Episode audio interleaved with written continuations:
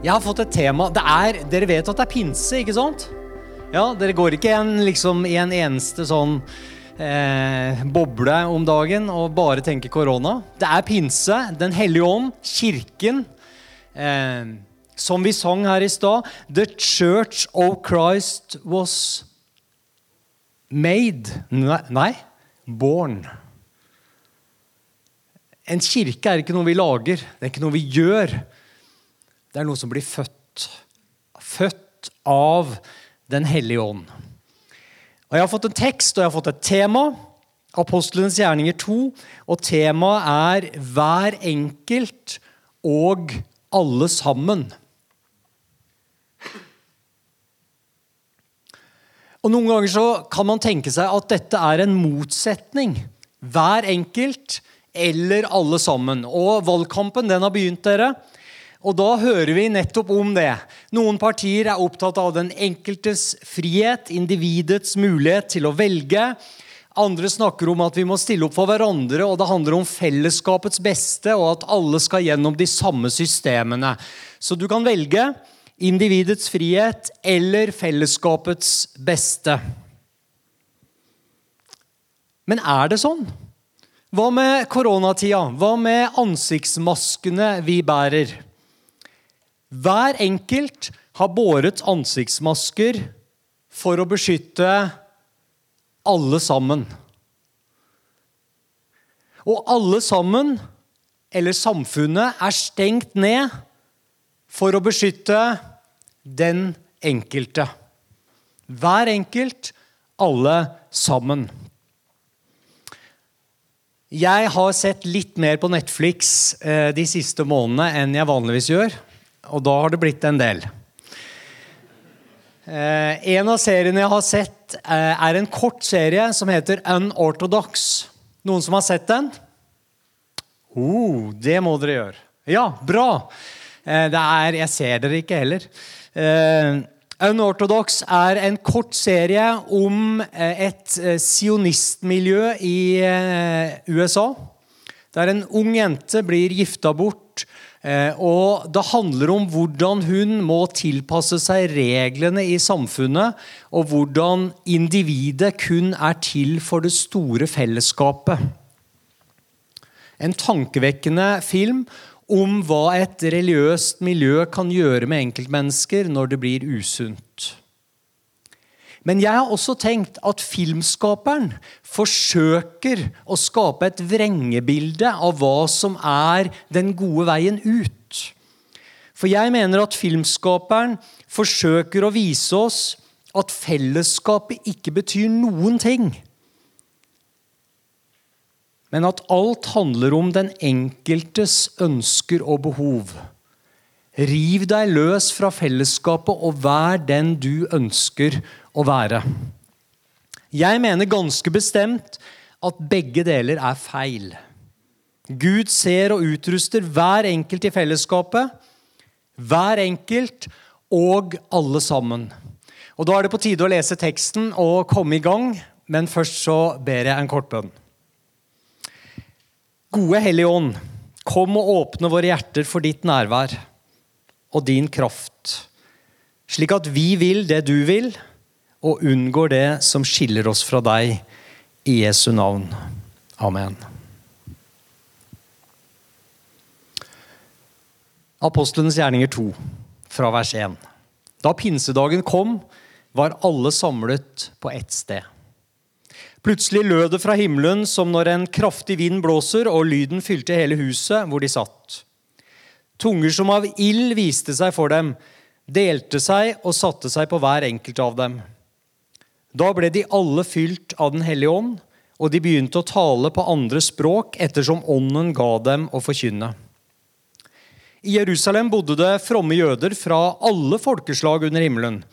En stor folkemengde stimlet sammen da de hørte denne lyden, og det ble stor forvirring, for hver enkelt hørte sitt eget morsmål bli talt.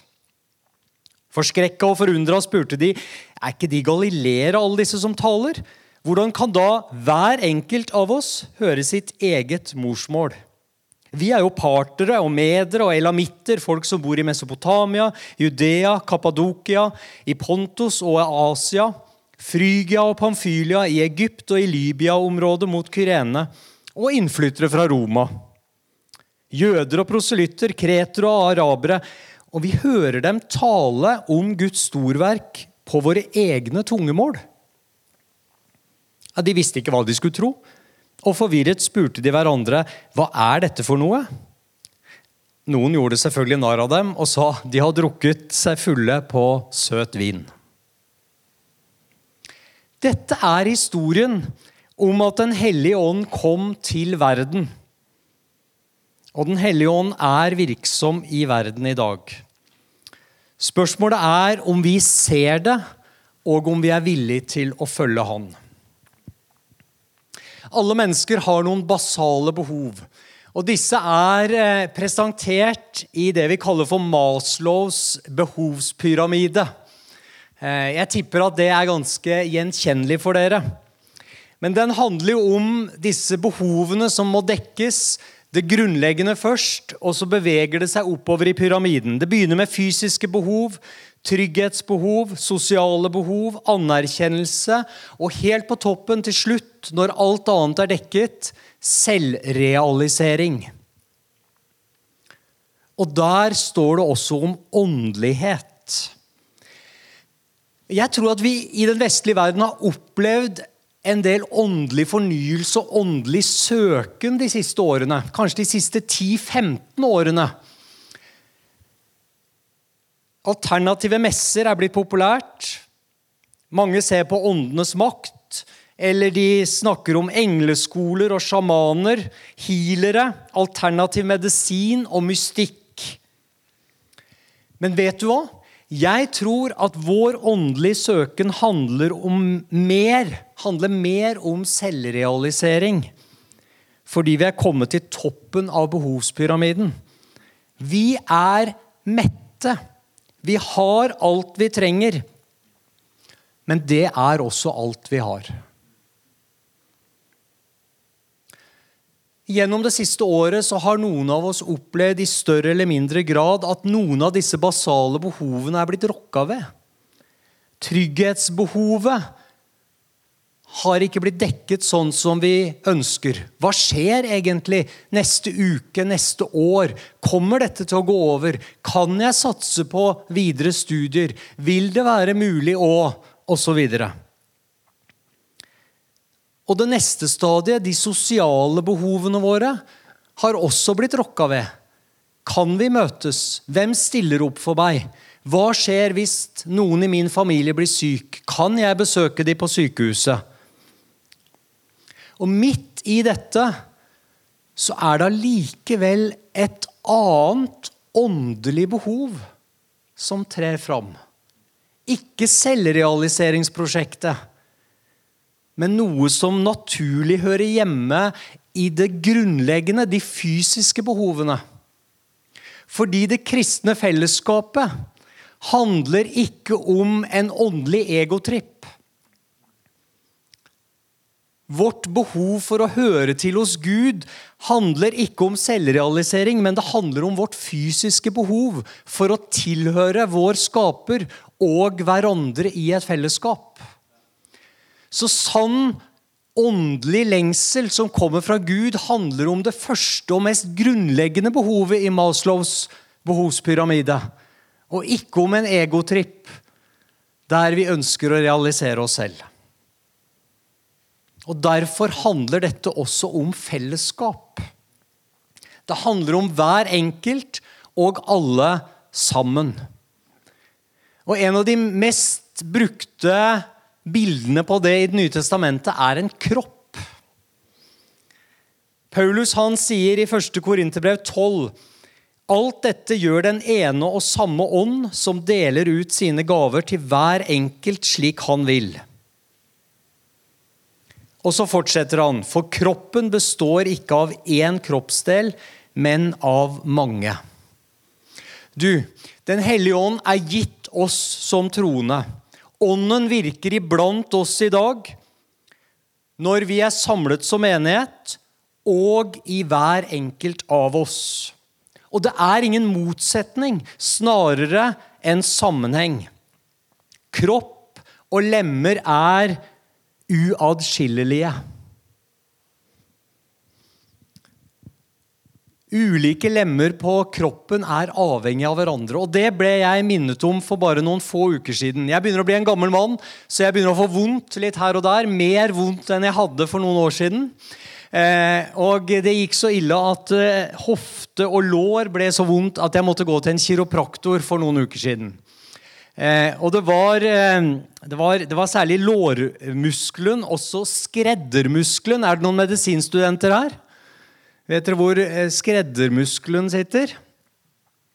Den som sitter på innsida av låret her, den har feste under kneet. og Så går den opp her, og så kommer den, og så fester den seg her på en eller annen sånn hoftekul her. Den var så vond. Eh, og Jeg kom og så la jeg meg på en benk eh, hos kiropraktoren. og Så testa hun dette litt, og så sa hun du har jo ingen kraft i skreddermuskelen og lårmuskelen. Det var jeg hadde ikke noe motstand. Når hun trykte, så hadde jeg ingenting å gi, eh, gi tilbake med. Og så gjorde hun det som fikk meg til å måpe. Hun tok fram en sportsteip. og Så dro den ut, og så teipa hun meg ifra ned, nede ved kneet her.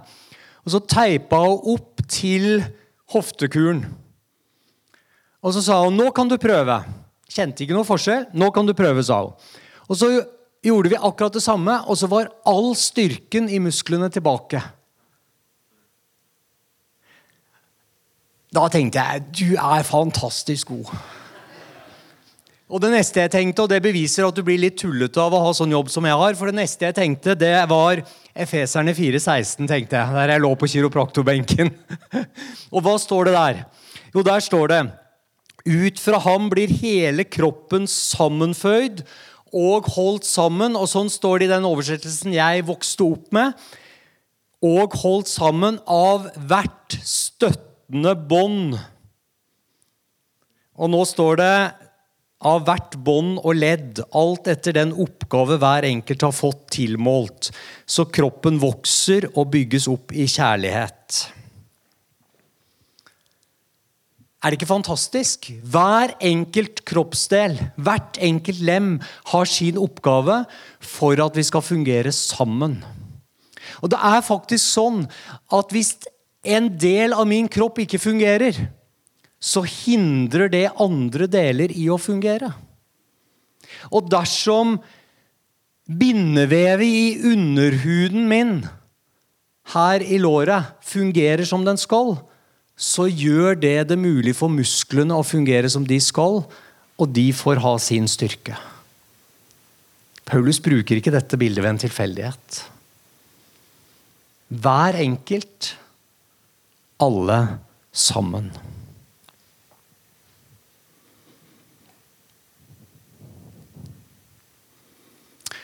Og alt dette skjer ikke fordi vi tar oss sammen, og det er viktig å å få med seg. Men fordi Gud i Jesus, ved Den hellige ånd,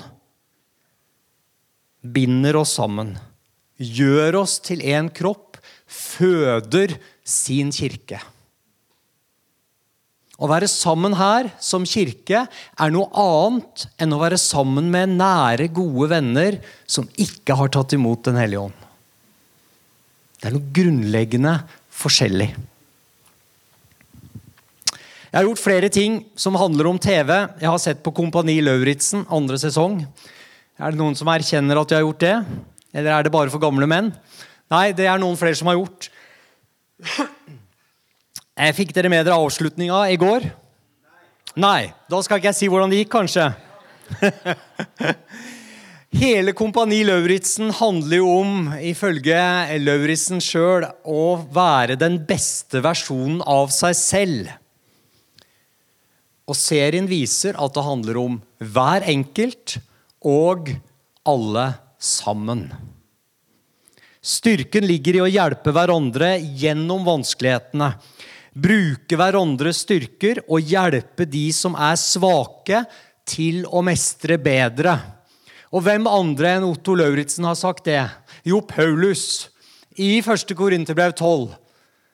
De svake beskytter vi. De som vi blyges ved, de gir vi større ære. Om ett lem lider, så lider de andre med. Vi vinner sammen. Og Jesus han sier at du og jeg vi kan bli den beste versjonen av oss selv. Eller for å si det med andre ord vi kan bli den Gud har skapt oss til å være. Ved å leve i det fellesskapet som Kirken er.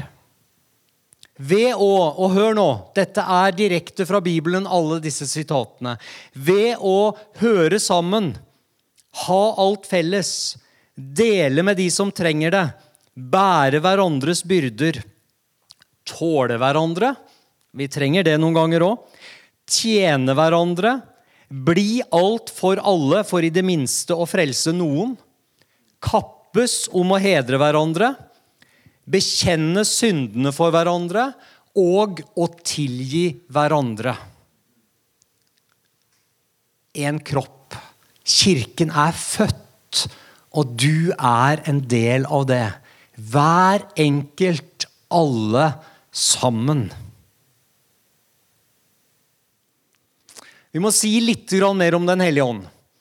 Fordi Noen hadde kanskje trodd at de kom til et eller annet sånn eh, eh, pinsegudstjeneste med fyr og flammer og eh, under og tegn her. Da valgte dere feil fyr, tror jeg. Eh, og da, da, snakker jeg om meg. Eh, ja, ikke misforstå. Eh, men er det ikke sånn, da? Jeg tenker i alle fall, at det er sånn at det er lettere å se Den hellige ånd i andre sammenhenger. Vår menighet vi, vi blir så alminnelige. Det er de samme menneskene, de samme uttrykkene. Og Kanskje så ser du ikke de store manifestasjonene eller miraklene. Kanskje føler du ikke på kraften. Men du, ser du fruktene? I din menighet, i ditt fellesskap. Galaterne 5, 22 og 23. Fruktene, åndens frukter, som er kjærlighet. Ser du det? Glede. Fred. Overbærenhet. Vennlighet. Godhet. Trofasthet. Ydmykhet. Og selvbeherskelse. Ser du det? Det er Den hellige ånd. Han har født det. Jeg tror på Den hellige ånd. En hellig, alminnelig kirke. De helliges samfunn. Eller for å si det med Frikirkens visjon. Vi bygger åpne fellesskap der mennesker blir sett, møter Jesus og utrustes til å leve som hans etterfølgere. Hvem er vi som bygger? Hver enkelt av oss bygger. Og vi bygger alle sammen. Så hva bygger vi? Jo, vi bygger åpne fellesskap. Hver enkelt av oss. Og alle sammen. Det er ikke sånn at vi kan si ja, vi bygger åpne fellesskap vi i Bergen frikirke. Ja, ja, ikke jeg, altså, men de andre. Nei, skal vi alle sammen bygge åpne fellesskap, så må hver enkelt gjøre det. Og Nå har jeg snakka mye om hver enkelt og alle sammen i menigheten. Men det er ikke bare i menigheten at det handler om hver enkelt og alle sammen. I teksten vi leste, så la du kanskje merke til at det sto hver enkelt og alle sammen også om de som sto utenfor. De som møtte Jesus for første gang på pinsedag. De som hørte evangeliet for første gang, de hørte det hver enkelt på sitt tungemål. Og de ble alle sammen grepet av undring.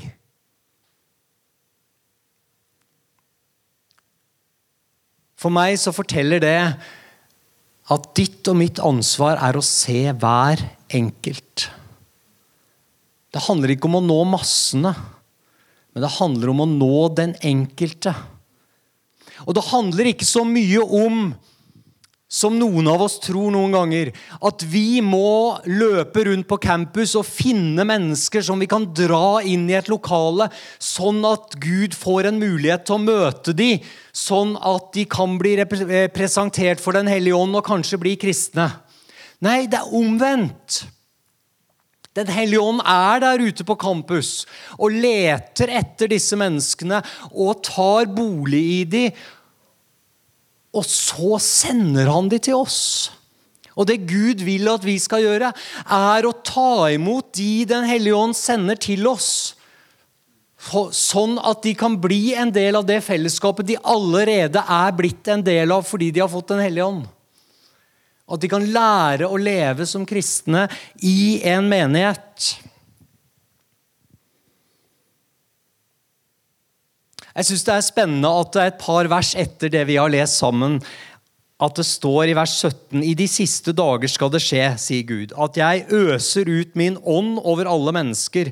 Deres sønner og døtre skal profetere, de unge skal se syn, og de gamle skal drømme drømmer.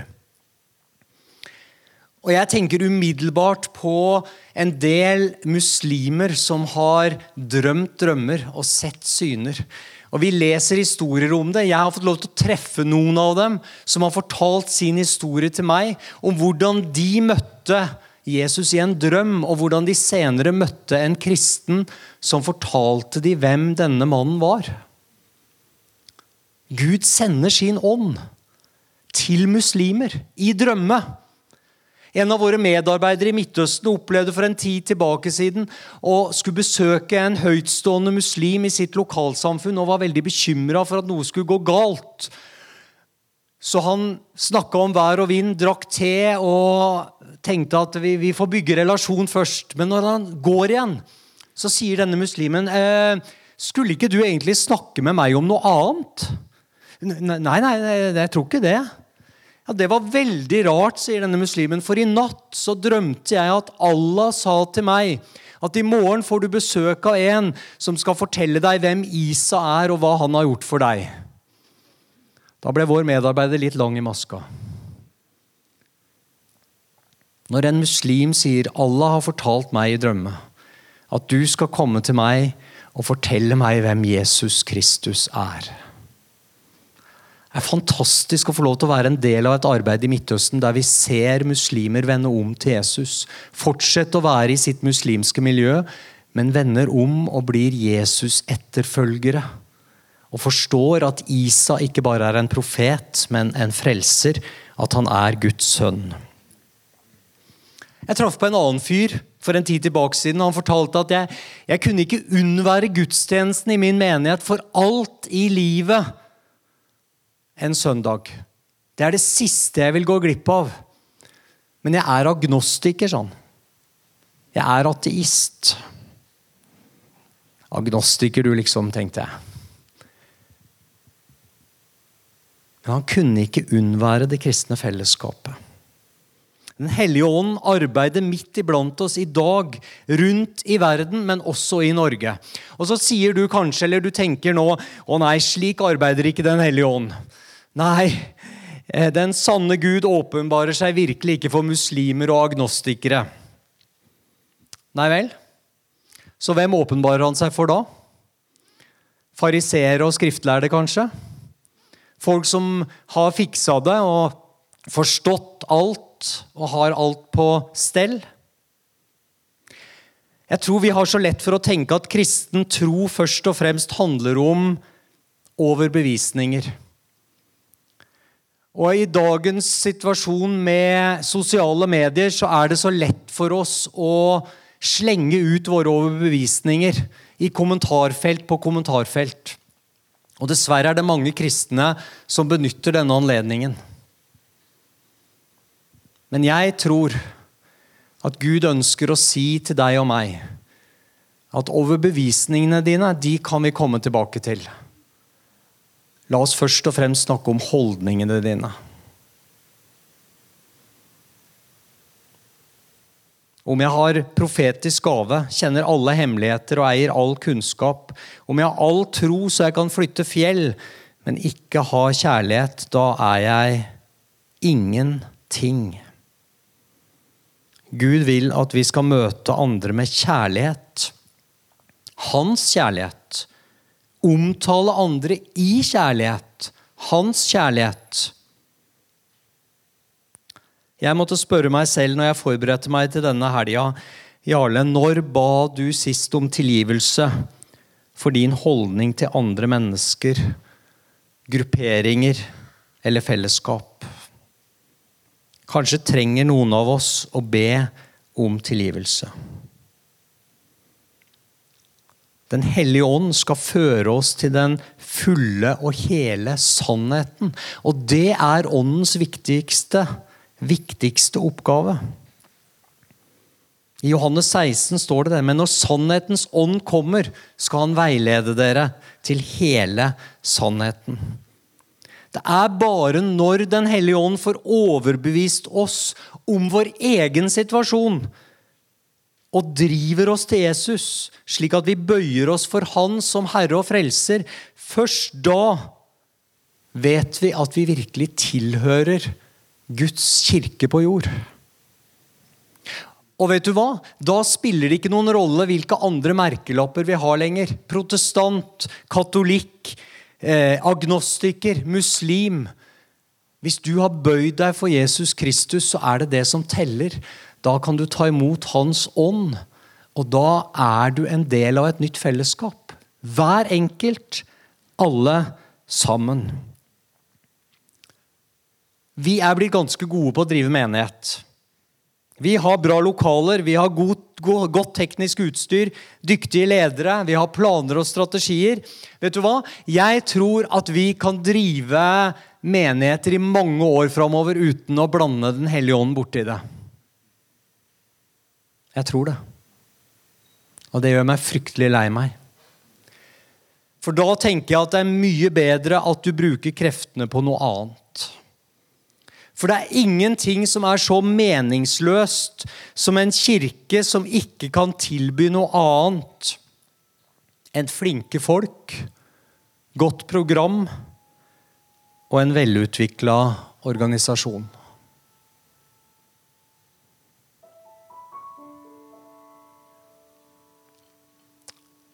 En liten tid før pinsedag så sto Jesus foran disiplene sine.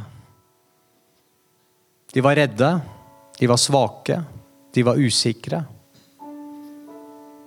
Så åndet han på dem, og så sa han Ta imot Den hellige ånd.